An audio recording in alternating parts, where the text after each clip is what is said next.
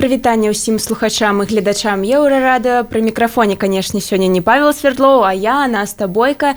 І гэта стартапніца праекта еўрарады і белбіс госці нашай сённяшняй праграмы гэта малады стартапер вынаходнік які стварыў 3d прынтер з фанеры даніл елисеяў прывітанне даніл здравствуйте. А таксама пастаянная госця стартапніцы галоўная рэдактарка інтэрнэт-праекта белбіс Юлія няхай. Прывітанне наста і даніл. Прывітанне. Даніл вось такое агульнае да цябе пытанне. З чаго ўвогуле пачалося тваё захапленне радыоэлектронікай Вообще все началось еще с самого детства. Я увлекался сборкой различных конструкторов, и, э, такие как знаток. Вот именно с них я вот начал. Да и вообще в детстве любил сломанные игрушки разбирать. Это для меня было, так сказать, ритуалом после любой сломанной игрушки. А потом я уже решил то, что имеет смысл двигаться дальше. Я пошел на, на кружок радио робототехники, и там вот э, проучился целый год, поучаствовал в конкурсе по робототехнике. Понял, что тоже имеет смысл двигаться дальше, ну, то есть не заканчиваться такое, потому что была сборка именно конструктора, то есть из готового Lego Mindstorm. А я, я решил двигаться дальше, то есть начал заниматься именно микроконтроллерами, такими как Arduino, начал делать вот всякие свои платы для разных, ну, разных схем, начал собирать, именно больше углубляться именно в мир аналоговой электроники.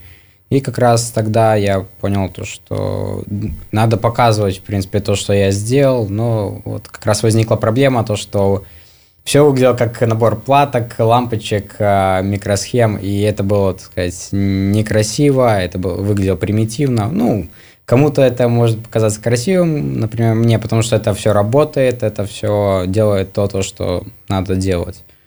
Ну и я решил сделать корпус. Я не особо любил делать э, вот именно корпуса своими руками. На труду у меня не, не было вот труд был не был моим самым любимым уроком в школе. А, я, конечно, пробовал делать из фанеры, вырезать лобзиком, но это ни к чему хорошему не привело.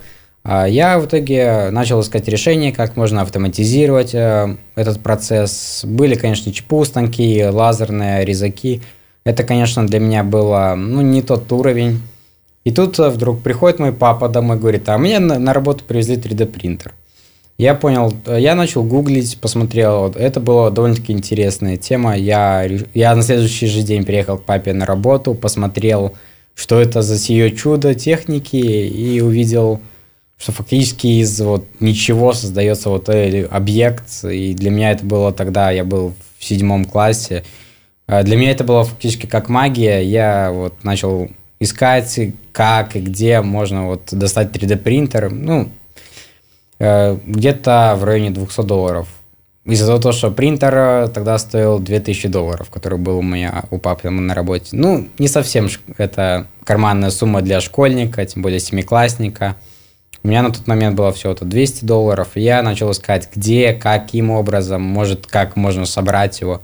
И тут я наткнулся на 3D Today, прекрасный форум российский, где уже на то время, когда вот только на, начала вот развиваться сфера 3D технологий, э, там довольно-таки много было уже людей, которые вот занимаясь э, сборкой, они обозревали разные 3D принтеры, писали вот комментарии, тестировали – я уже тогда загорелся вот целью создать свой собственный 3D-принтер, сказать, э, новая ачивка, то есть э, я до этого занимался, в принципе, радиоэлектроникой, и я подумал, смогу ли я сделать э, все то же самое, только уже на другом уровне, на более высоком, то есть сделать настолько сложное электронное устройство, которое мало того, то, что будет делать другие фактические устройства, то есть можно будет печатать корпус, можно будет печатать фактически все, что угодно – что только можно найти в интернете, либо самому нарисовать. То есть все ограничено только фантазией пользователя – Э, ну вось э, мне падаецца што шмат хто чуў што такое ну што ёсць існуе такі 3d прынтер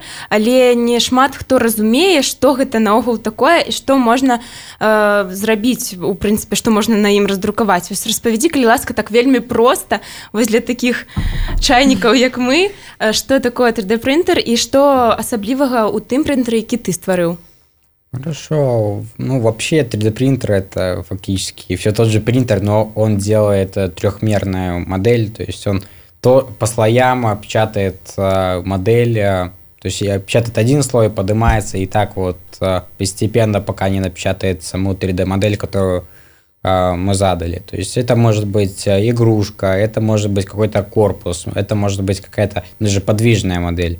Именно 3D принтер позволяет делать, это единственная, по-моему, технология, которая позволяет делать именно подвижные модели, которые фактически сразу после окончания печати, они подвижные, и при этом э, их никак нельзя рассоединить. А вообще что особливого у тым принтера, які ты стварыў? Именно отличие моего 3D принтера так. от других, то что а, они, ну, сами по себе, они стоят очень дешево. Это такой первая ачивка, то что а принтер обладает функциями принтеров за 2-3 тысячи долларов, при том, что сам принтер реально будет продаваться ну, за 200-250 долларов, и при этом пользователь получает даже в самом маленьком, вот D3D Mini, который был как раз на проекте «Мой бизнес», а он а, получил все те функции, что обладает тот же принтер Rise 3D N2 Dual, то есть он может удаленно включаться, он может, мы можем удаленно следить за процессом а, самой печати, и то есть это все вот буквально в, в детском 3D принтере, но при этом он обладает функционалом профессиональных 3D принтеров. А как осуществ... Можно я вопрос? Да, конечно. Да, а как осуществляется удаленная вот э, работа с ним? А, коне... Есть приложение какое-то? Да, есть приложение на телефон, либо уже есть виртуальный сервер. Угу. Мы подключаемся на него. Ну, как, если принтер не видит свою сеть, то есть угу. домашнюю, условно говоря, а он подключает, ну, он создает свою локальную сеть, то есть, условно говоря, я приезжаю где-нибудь на выставку, там нету его сети, он создает свою, к которой я могу сам подключиться, только тот человек, который обладает API-кодом, может подключиться к нему. Ну, какой-то в целом ПО, который ты интегрировал да, в это, в принципе, сделано для того, чтобы было проще, то есть сейчас вот был доработан проект, э, чтобы можно было э, сказать, сконнекчивать 3D принтеры вместе с собой. То есть, условно говоря, компания, которая занимается 3D-печатью, а, у которых есть там 20 принтеров, им не надо, вот, чтобы каждый человек ходил и в каждый принтер там карту памяти совал, mm-hmm. только ради того, чтобы модельку загрузить. То есть он просто берет и загружает одну папку на общий сервер, и уже он раздает задание каждому 3D принтеру, и ему не надо вот бегать каждому принтеру по отдельности, чтобы просто обозначить, что надо печатать. А ці шмат часу вось займае сам працэс друкавання то, бок за колькі часу можна вось раздрукаваць там одну модель это очень, так сказать, персонализировано, потому что каждая моделька может печататься от 5 до там, пару дней. То есть угу. сейчас вот печатал модель протеза, она печаталась один день, 4 часа. То есть, э, в принципе, это очень... Э, то есть, э, это все зависит от модели, то есть, даже от настроек одной и той же модели. Ну, не так, как паперку за пару хвилин, ну, пару секунд да. раздрукаваць. Не, ну, конечно. А с, с какими материалами вообще работает а, принтер? Вообще, в основном, а, принтер работает с пластиком, но пластик бывают специализированные, а, бывают пластики с добавлением... Резины, ну, наверное. Ну, резина, да, есть угу. такие пластики, типа флекса, каучука, а есть также специальные материалы с добавлением металлов, с добавлением дерева. И вот они фактически обладают все теми же свойствами, что и ну, то, что в них добавляется. То mm-hmm. есть э, добавлением э, деревянной ну, крупы, это Крошка. Крошки, да. Угу. Они фактически можно делать градиентные модель, то есть с повышением температуры, как бы темно, темнота вот самого пластика будет меняться, то есть, и при том она будет обладать ну, даже запахом э, дерева, и фактически будет сложно отличить 3D-печатную деталь от реально вырезной. Ну, цікава. Вось а, ты казаў пра проект мой бізнес да. я так разумею што ён ну шмат на сябе паўплываў вось распавядзі калі ласка пра яго хто быў тваім ментарам у проекте да моим ментором был олег ильгизович хусаенов который мне помог сказать когда я пришел только на программу я чувствовал себя просто инженером который вот сделал 3d принтер а, и вот после окончания программы я фактически вышел бизнесменом, потому что именно Олег Ильгизович направил меня в такую замечательную школу, как Тингуру Бизнес Академи. И там я, собственно, понял, как кого быть именно бизнесменом. А, и, собственно, мой проект оценили в конце, так сказать, года, в конце, на гранд-финале. Мой проект, так сказать, победил. И вот я рад, э, то, что я смог познакомиться мало того, что найти новых друзей, так и найти таких же людей, которые занимаются э, своими проектами, которые, так сказать, приходят э, мало того, что обща... ну, мало того, что обучаться, так еще и общаться, обмениваться какими-то идеями. А, то есть э, и вме... как бы вместе мы вот помогаем вот сделать, так сказать, мир проще, лучше. То есть э, даже какая-то маленькая идея, которая решает какую-то маленькую проблему, даже твою, она, возможно, может помочь и другим людям, у которых есть точно такая же проблема. Каково это быть бизнесменом? Ось Юля, моє питання прям зняла з языка. Ну, это довольно-таки сложно. Вот за на том во время проекта моего бизнеса было довольно-таки сложно, потому что а, я пришел вообще фактически только с прототипом самого первого маленького 3D принтера. И сколько, три, фактически три месяца я работал, не покладая рук, каждый день ездил к папе на работу, мы с ним вместе собирали этот э, первый 3D принтер, притом было его много версий, то есть э, мы начали с пластиковой модели, потом нам сказали в Янкате то, что нет, нельзя, надо облегчить, так сказать, изготовление и решили опять вернуться к тому самому фанерному корпусу, сделать его маленьким. И даже вот этот самый корпус пережил очень много изменений. И вот даже после моей, э, моего бизнеса со мной связалась компания Буслик, с которой mm-hmm. мы во время моего бизнеса сотрудничали. Мы как раз с ними доработали принтер фактически вот до конца, что позволило им... Мы прошли предварительные этапы сертификации, то есть фактически D3D Mini фактически готов выходить на рынок, готов вот к производству фактически уже. То есть вот нужны только инвестиции, чтобы как раз пройти сертификацию и сделать первую партию принтеров.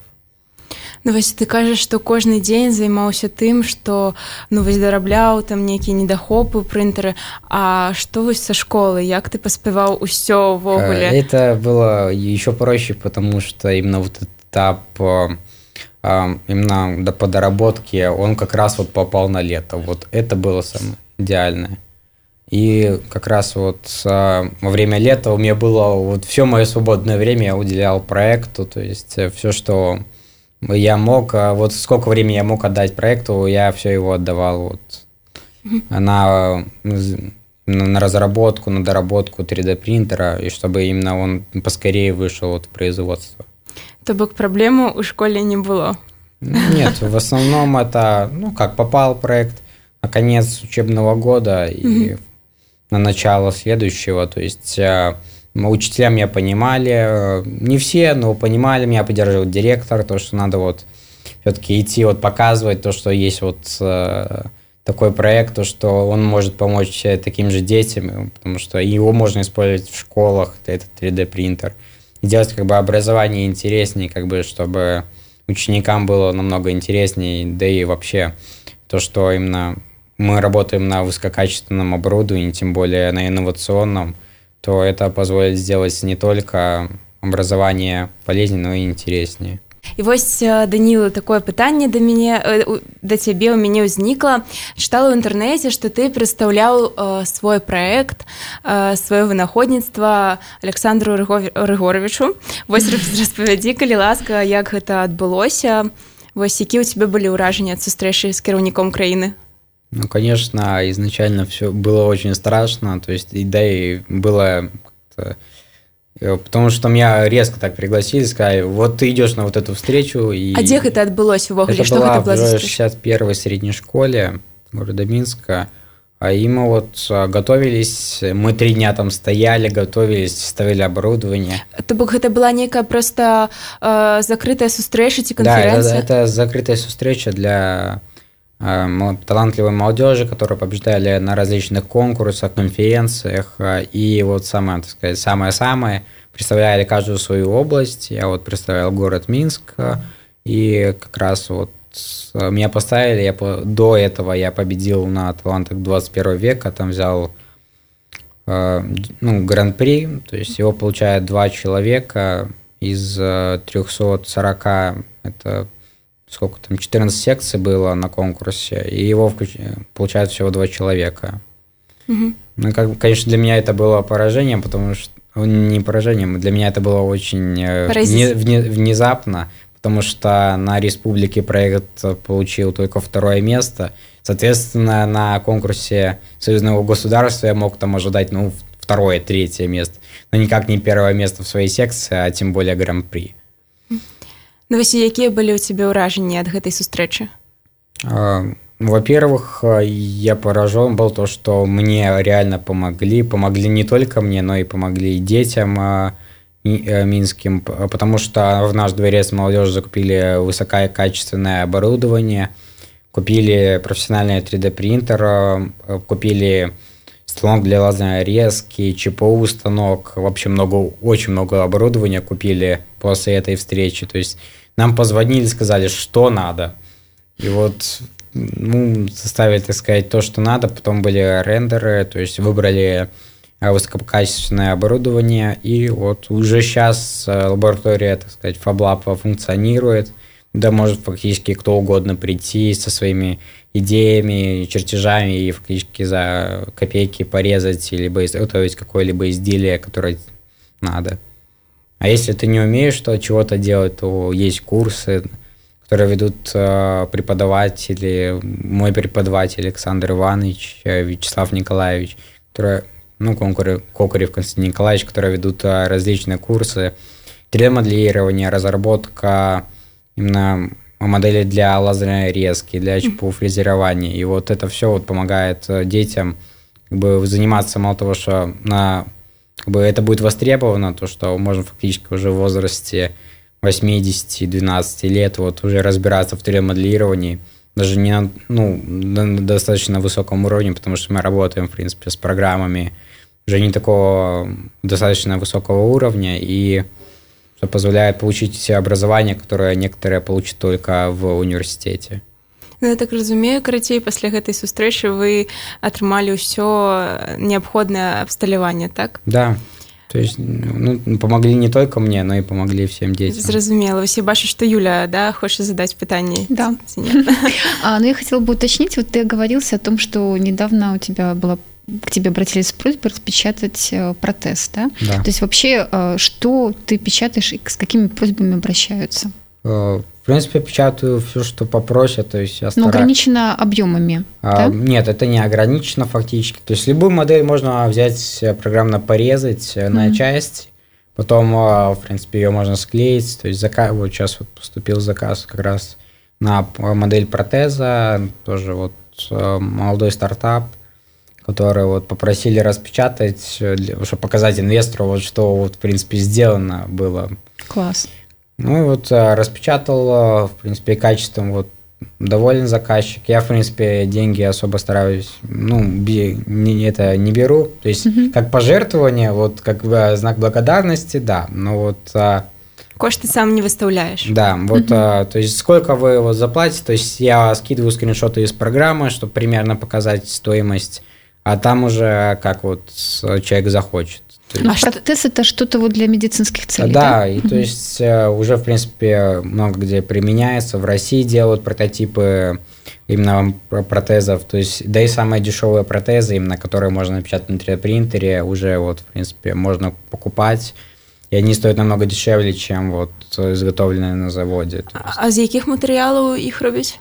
В основном из пластиков, именно биоразлагаемых, то есть если даже рука сломается, либо где-то по вот ее можно легко возобновить, то есть даже у пациента можно дома поставить 3D принтер, дать набор деталей, и фактически он сам может э, распечатать и починить свой протез фактически за пару часов. Ничего себе. То есть скоро фактически можно ожидать роботов, которые Киборгов. будут... Гиборгов, которые могут сами себя чинить. Вот в течение пары часов. Да.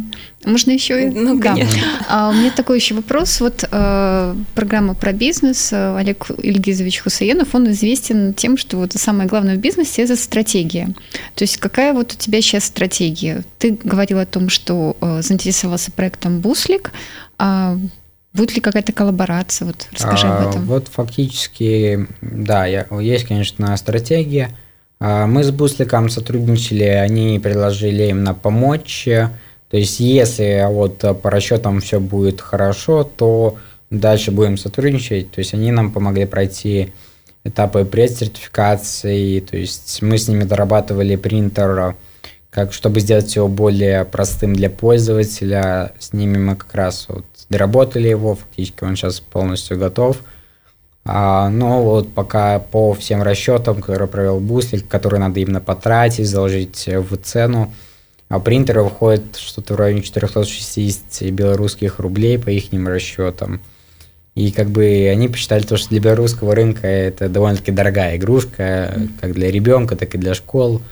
А мы хотим же, вот, если вот будет возможность, мы постараемся не вкладывать в цену а, на момент сертификации, то есть э, сколько там надо потратить, фактически это еще долларов только на одну сертификацию одного принтера.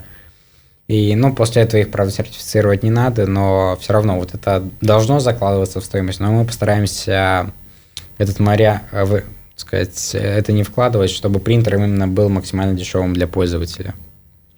А вось ці былі ў цябе іншыя якія-небудзь э, прапановы супрацоўніцтва да, в принципе, вот сейчас э, была выставка, посвященная Всемирной неделе предпринимательства.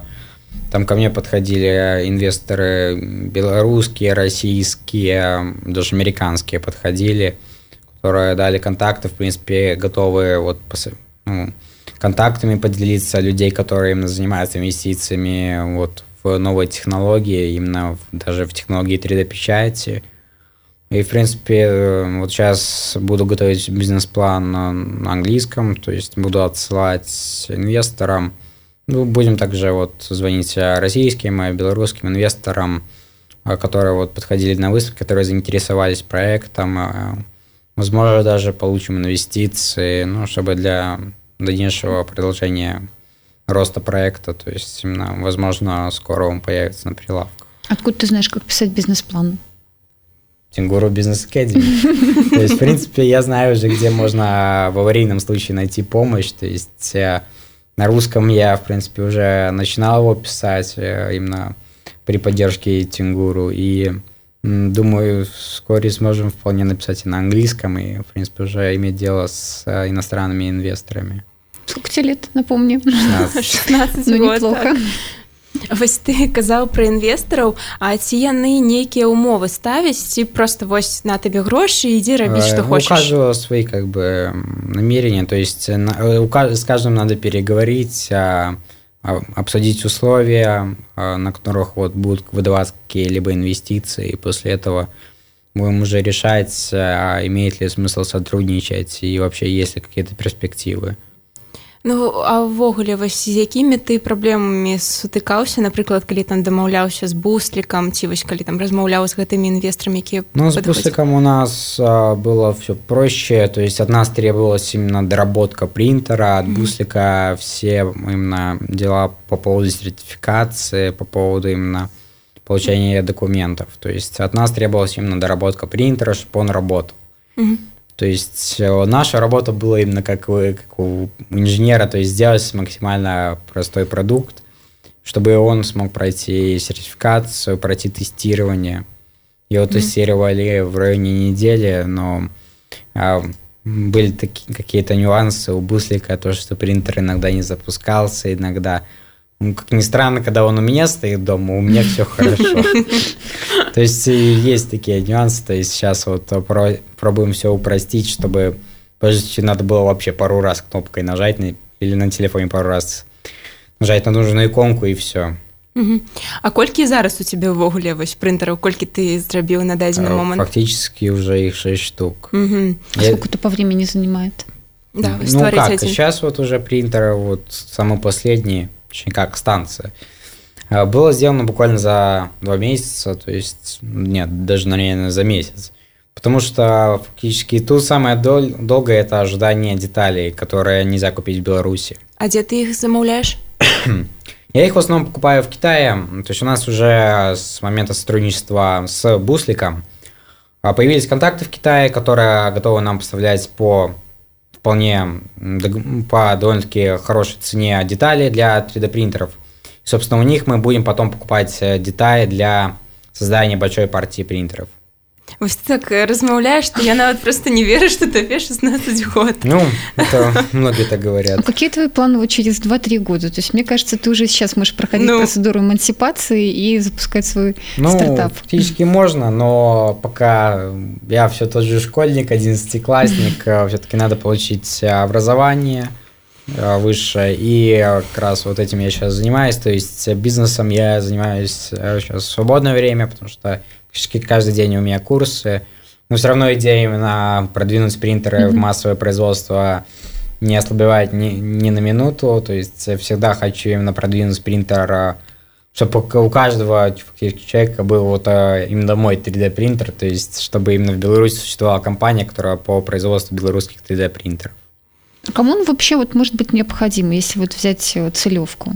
То есть, ну вот, допустим, люди, у которых проблемы со здоровьем, у них там протез стоит, да? То есть, вот можешь об этом как-то рассказать, как ты видишь свой А, рынок? В принципе, рынок э, все- у каждого принтера как бы свой рынок, то есть у каждого своя целевая аудитория.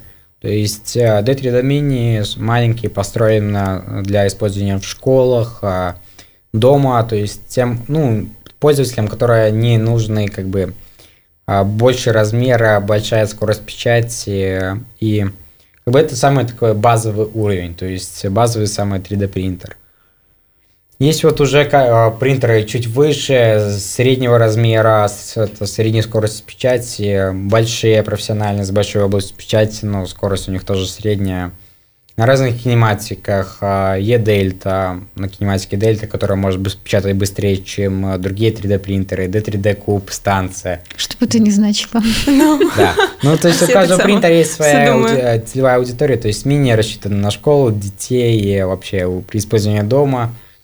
То есть, а, а вот какие-нибудь принтеры типа D3D Pro с большой областью печати, их можно, в принципе, использовать и а, компании, которым нужно печатать прототипы большие. Мгм. В принципе, те же косплейщики. которые- вот у меня на в Дворце молодежи у нас есть парень, у которого сестра косплейщик, и именно для этого они собирают свой 3D принтер. То есть есть а, люди, которым реально... нават ты не подумаешь да что Да, то есть, э, в принципе, даже о том, о чем просто нельзя подумать, то есть косплейщик. Ну, в принципе, а, творческая профи... это ну, как бы род деятельности, и все равно можно применить 3D принтер. А те же конструкторы, музыканты, везде фактически можно применить 3D принтер. Архитекторы, вот именно построение самой модели Мгм. здания. То есть фактически везде можно использовать сам 3D принтер э, в каком-либо сфере. То есть э, принтер является одной из самых таких универсальных э, приборов, которые можно использовать фактически в любой сфере. Ну окей, допустим, архитектор, у него он там может конструировать, э, строить что-то и прочее. А вот косплейщик, ну вот хочу себе какие-то ушки. Да, Да, можно вот- на- напечатать. э, Ну, в основном печатают маски какие-то большие. то есть просто с интернета скачала и вот Ну как, вуаля? а, Или большинство как? приходится моделировать, но все равно можно найти оригинальную модель а, того же героя. Ну так ж з пластыка таксама Мгм. робяцца Ну, как, не, именно найти именно модель а, саму, именно какая ее подразумевают разработчики. А, Чуть-чуть доработать именно, чтобы упростить а, процесс а, печати, и все, фактически берем, режем по кускам, печатаем тот же огромный меч там или катану длиной в пару метров. То есть ты так просто про гэта размаўляеш а мы тут сидзім Ну, я, в принципе, Вочи читаю, на ну, лоб. на том же 3D. Прикидываем, чтобы распечатать. да вось Да. дарэчы да у меня такая думка уже Ну, ўзнікла так, в в принципе, голове на 3D выкладывается довольно много новостей. Я вот недавно читал, то, что вообще копию Lamborghini напечатали на 3D принтере. То есть, э, фактически, э, многое можно распечатать на 3D принтере, вот те же протезы. Вось у нас на жаль уже эфірны час сканчваецца такое кароткае пытанне што далей вось які у тебе у тебе планы ты ў 11 класе куды будешь поступаць Э, Вероятнее все это будет либо БНТУ, либо Багуира. Все зависит от количества баллов, которые я наберу на ЦТ. Но, надеюсь, э, в этом году я смогу попасть на международный конкурс и пройти в любой вуз без ЦТ. Э, Дзякуй табе Даніл вялікі за размову. Дзякуй Юлія. Я нагадаю што гэта была праграма стартапніца новы праект еўрарадыё і інтэрнэт-партала белбіз нашымі гасцямі был а, малады прадпрымальнік вынаходзіць Даніл елісею і галоўная рэдактарка белбіз Юлія няхай. Не пераключайцеся